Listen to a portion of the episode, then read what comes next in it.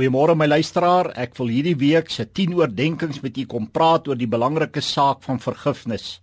Ons gaan in elke oordeenking kyk na skrif uit God se woord en kragtige verklaringe rakende vergifnis.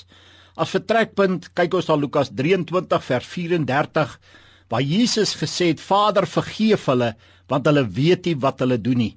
Nou wat 'n uitspraak was dit nie gewees nie my luisteraar.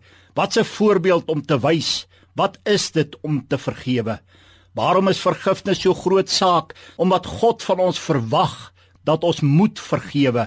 Omdat ons vergifnis by God hang ook af van dat ons ander moet kan vergewe. In die derde plek omdat ons geestelike groei hang ook sterk daarvan af dat ons daagliks moet kan vergewe. In die vierde plek om dat ander te vergewe is nie 'n maklike daad of saak nie. U weet dit vanmôre. Daarom het ek en jy vir God so nodig in ons lewe en ook sy hart en dis om te kan vergewe. Ja, omdat vir God gaan alles om verhoudings. Daar is 3 baie belangrike verhoudingstipes en in hierdie 3 verhoudingstipes moet daar daagliks vergifnis in plaasvind. Wat is hierdie verhoudingstipes? In Matteus 22 vers 37 tot 40 staan en Jesus antwoord hom: Jy moet die Here jou God lief hê met jou hele hart en met jou hele siel en met jou hele verstand. Dit is die eerste en groot gebod.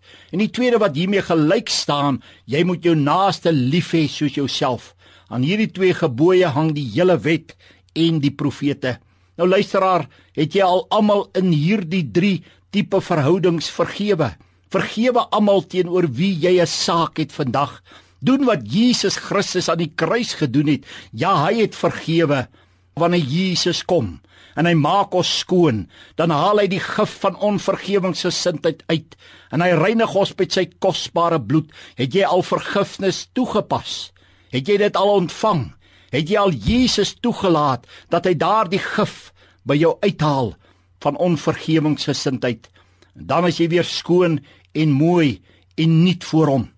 Efesiërs 4 vers 31 staan daar alle bitterheid en woede en toorn en geskreeu en lastering moet van julle verwyder word saam met alle boosheid.